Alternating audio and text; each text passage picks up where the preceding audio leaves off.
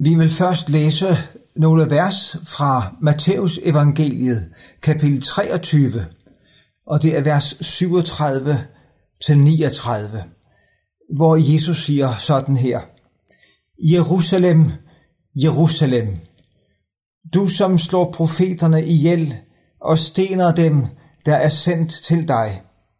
Hvor ofte vil jeg ikke samle dine børn, som en høne samler sine kyllinger under vingerne, men I ville ikke.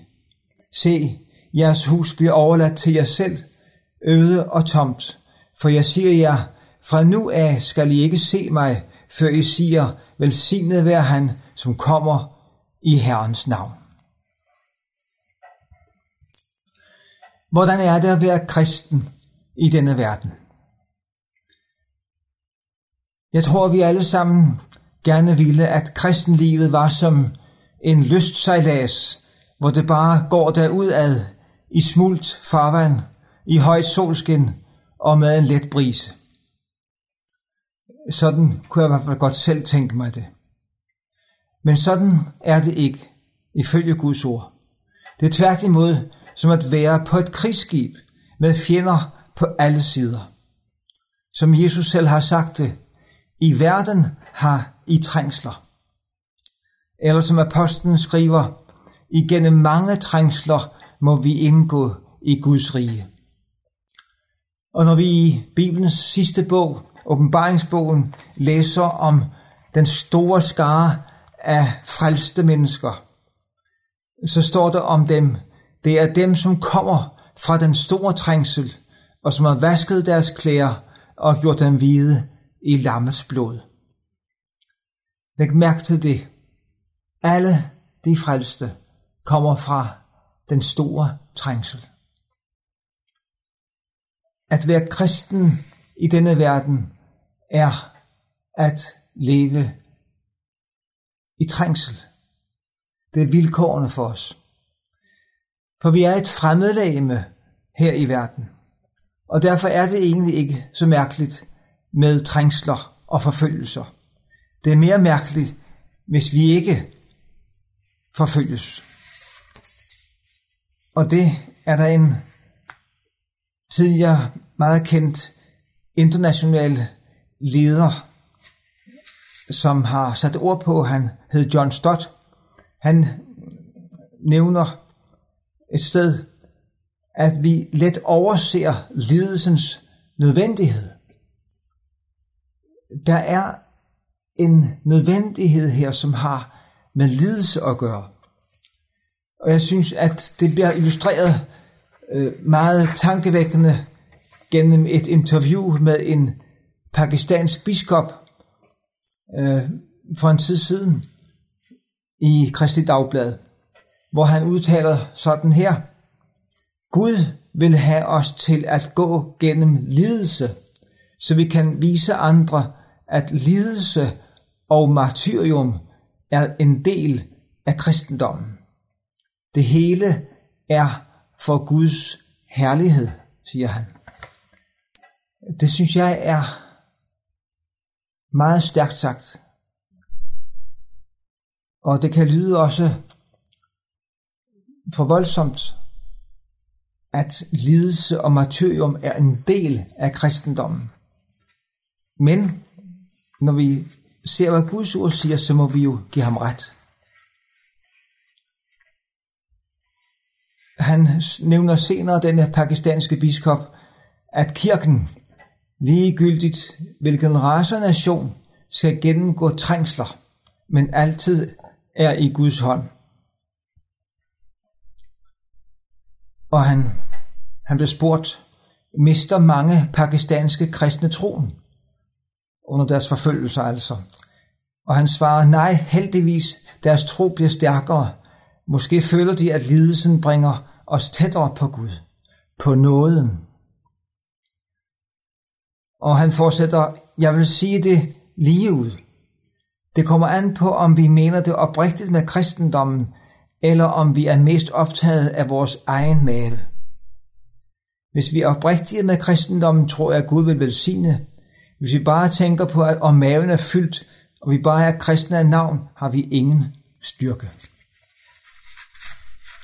Og det er også, synes jeg, meget tankevækkende for os, der lever i et overflodssamfund. Til sidst bliver han spurgt, hvad har I lært, som du kan give videre til forfulgte kristne andre steder i verden? Og han svarer, at vi må komme mere på knæ. Vi må komme mere på knæ, siger biskop Humphrey Peters fra Pakistan. Og jeg må spørge, er der ikke noget her, vi nærmest har glemt i vores hyggelige del af verden?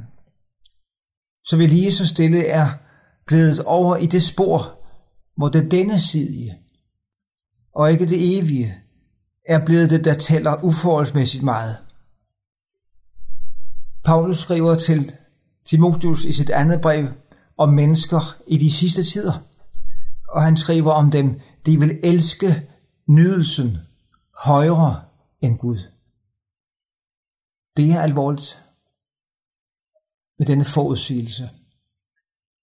Mennesker vil elske Gud, jo vist, men der er noget, de elsker højere. Og det er nydelsen.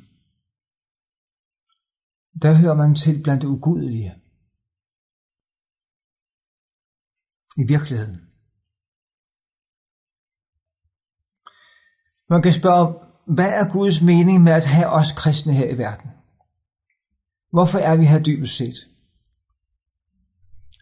Jesus sagde det ved en lejlighed, jeg sender jer som får blandt ulve. Hvorfor det? Jo, vi er her dybest set af én grund, og det er for at forkynde hans guddomskraft, som kaldte os fra mørket til sit underfulde lys, som apostlen Peter udtrykker det. Vi skal ikke leve for os selv, og heller ikke for ting, men for Jesus. Han døde og opstod for at skrive Paulus til Korintherne, for at vi, der lever, ikke mere skal leve for os selv, men for ham, som døde og opstod for os. Og det må jeg sige, det er en lektie, som jeg selv forsøger at stave på. Men jeg ved jo godt, at jeg bliver aldrig udlært. Det er ingen af os, der bliver, men derfor skal vi jo ikke opgive på forhånd. Tværtimod, vi har al grund til at tage ved lære af, hvad ordet siger. Og der må jeg konstatere, at vi er her jo ikke for at blive så gamle som muligt, eller nyde så meget som muligt. Men vi er her for at tjene Guds frelsesplan i vores slægtled, sådan som der står om kong David i Apostlenes Gerninger, kapitel 13. Vi er her ikke for at nyde livet, uanset hvilken alder vi befinder os i. Vi er her for at tjene Guds frelsesplan. Og der kan vi jo tænke på bibelske personer. Jeg skal bare nævne et par stykker. Den ene er Johannes Døberen, som jo kun blev omkring 30 år. Man kan spørge, hvorfor påpegede han over for kong Herodes, at han ikke havde lov at have sin brors hustru? Hvorfor blandede han sig i det? Hvorfor holdt han ikke sin mund? For det var jo det, der endte med at blive årsag til, at hans hoved blev serveret på et, på et fad. Forklaringen er, årsagen til, at han greb ind, det var, han ville hjælpe Herodes til at få gjort op med synden, så han ikke skulle rammes af Guds dom. Det der var det, der var bevæggrunden. Og bag den bevæggrund, der står jo Gud selv. At der er et hjerte, der banker for, at mennesker omkring os skal blive frelst. Også de hårdnakkede. Også de meget slemme, som kong Herodes. Som vi læste det til at begynde med. Jerusalem, Jerusalem. Du som slår profeterne ihjel og stener dem, der er sendt til dig. Hvor ofte vil jeg ikke samle dine børn som en høne samler sine kyllinger under vingerne. Det er det, der ligger bag det hele. Bag det, at Jesus sender os til verden, ligesom han selv er sendt af faderen til verden. Hans hjerte banker for menneskers frelse. Var Johannes Døberens liv at begræde, men han nu kun blev omkring 30 år. Ja, ud fra en ren menneskelig målestok, så vil vi sige, at det, det er det. Det er da tragisk. Men ikke set under evighedens synsvinkel. Ikke set fra Guds synspunkt. Selvom hans liv blev meget kort, så er han jo ifølge Jesus selv alligevel den største blandt kvindefødte. Sådan er det.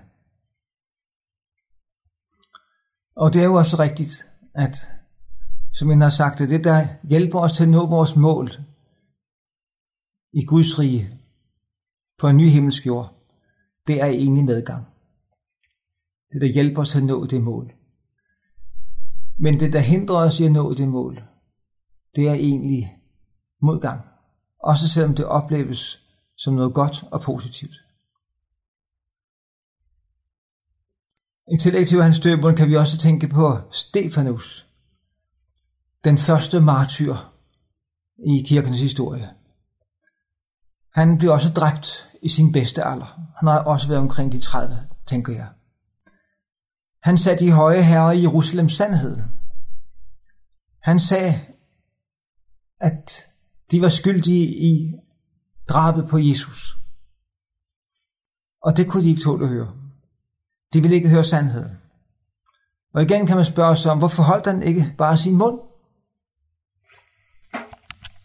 Og svaret er, som der står i Apostlenes Gerninger kapitel 6, fuld af noget og kraft gjorde Stefanus store under og tegn blandt folket. Og der står lidt senere, de kom i diskussion med Stefanus. De kunne dog ikke modstå den visdom og ånd, som han talte med. Han var et redskab i Guds hånd. Igen, for at mennesker skulle bringes til erkendelse af sandheden og få chancen til at vende om. Der var et hjerte, der bankede også for de mennesker, og som stadig banker for os mennesker. Det er ham, der sagde de ord, hvor ofte har jeg ikke ville samle dine børn, som hønen samler kyllingerne under sine vinger.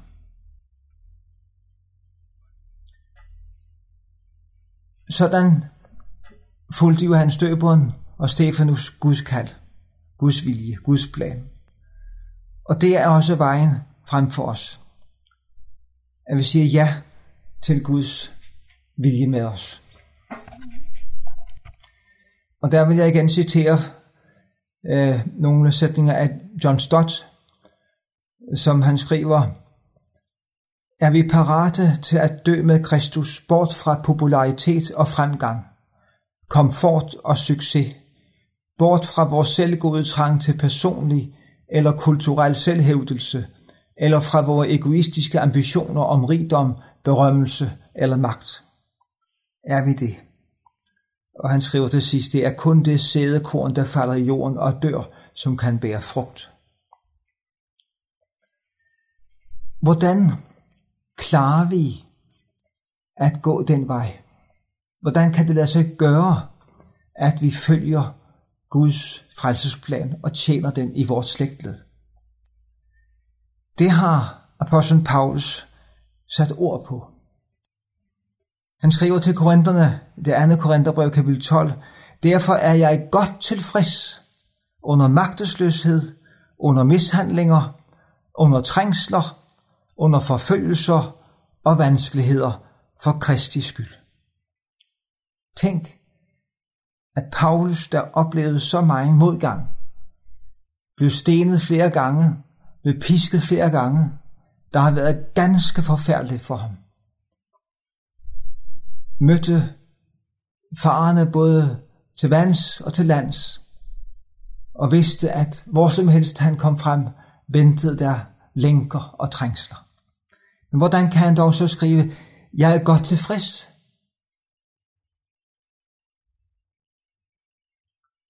Er du godt tilfreds uden trussel om lænker og trængsler?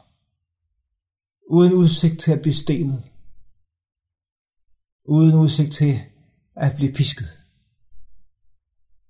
Paulus var godt tilfreds med udsigt til alt det sammen. Alt sammen.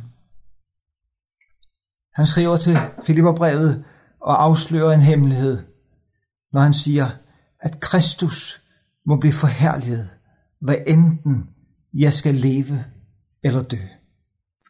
Her har vi grunden, hemmeligheden bag hans holdning til Guds frelsesplan. Og være med til at opfylde Guds frelsesplan. Bare Kristus må blive forherliget. Og der er der en person, der har skrevet noget meget tankevækkende i et festskrift til en norsk biskop på et tidspunkt, det ligger en del år tilbage, hvor han skriver netop om Paulus.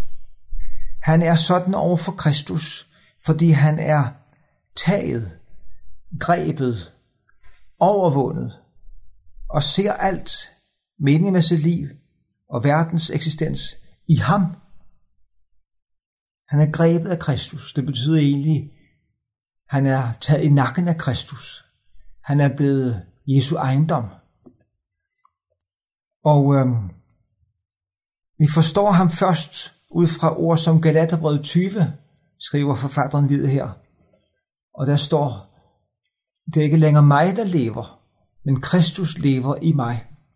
Og det liv, jeg nu lever i kødet, det lever jeg i troen på Guds søn, som elskede mig og gav sig selv hen for mig. Og så nævner han også artikelforfatteren her, Filipperbrevet 3, hvordan det afslører, hvad der ligger til grund for Paulus, at han sådan var godt tilfreds. Der står i Filipperbrevet 3, vers 8, Jeg regner så vist alt for tab på grund af det langt større at kende Kristus Jesus, min Herre. På grund af ham har jeg tabt det alt sammen, og jeg regner det for skarn. Det er egentlig ekskrementer, noget der skal ud på mødingen. For at jeg kan vinde Kristus og findes i ham, ikke med min egen retfærdighed, den fra loven, men med den, der fås ved troen på Kristus, retfærdigheden fra Gud, grundet på troen, for at jeg kan kende ham og hans opstandelseskraft og lidelsesfællesskabet med ham. Ja, jeg må sige, at det sidste her, at jeg må kende lidelsesfællesskabet med Kristus. Det har jeg svært ved at forstå, ud fra mine egne forudsætninger, at det skulle være noget særligt. Men det er det. Bare jeg må være, hvor Jesus er, så er jeg på rette plads. Så er jeg der på den plads, hvor der er godt at være. Også selvom det er i et lidelsesfællesskab med Jesus. Han havde mange fine ordener, medaljer, kunne man godt sige, denne Paulus fra sin fortid. Han var uhyre afholdt og æret og set op til af de andre fejser, inden han mødte Jesus. Men alt det, siger han her, det regner jeg for tab. Alle disse mange menneskers rygklap og beundring regnet er for tab. Og hvorfor det, Paulus? Jo, fordi det hindrede mig i at lære Jesus at kende, som den han er. Og det må vi sige til hinanden. Alt det, som hindrer os, selv de mest positive ting. Det kan også være en god økonomi. Det kan være komfort, en luksustilværelse, medgang, position. Hvis det hindrer os i at lære Jesus at kende, som den han i sandhed er, så er det vigtigt, at vi lærer at regne det for tab. Jeg går tilbage til den artikelforfatter, som jeg citerede fra. Han fortsætter, Paul står frem som den rigeste, frieste og lykkeligste af alle mennesker, fordi han har Kristus til suveræn herre. Se, der er vor vej til i denne lykkelige mening at blive kristi trælle og fanger. Kom ham nær, se og kend ham ret. Sæt alt det andet i verden ved siden af ham, og døm så, hvad det er værd. og se så til at tilegne dig endnu mere af hans rigdom. Ja, her går vejen for os, kære lytter. Og her går vejen for de nye generationer. Og hvor er det vigtigt, at vi hjælper hinanden til at blive fortrolige med netop dette. Og hjælpe de nye generationer til at tilegne sig det og blive fortrolige med det. Så vi får det som Paulus, hvor han et andet sted siger, jeg regner ikke mit liv for noget. Der er intet værd for mig selv. Blot jeg kan fuldende mit løb, og den tjeneste, jeg har fået, at vidne om Guds nådes evangelium.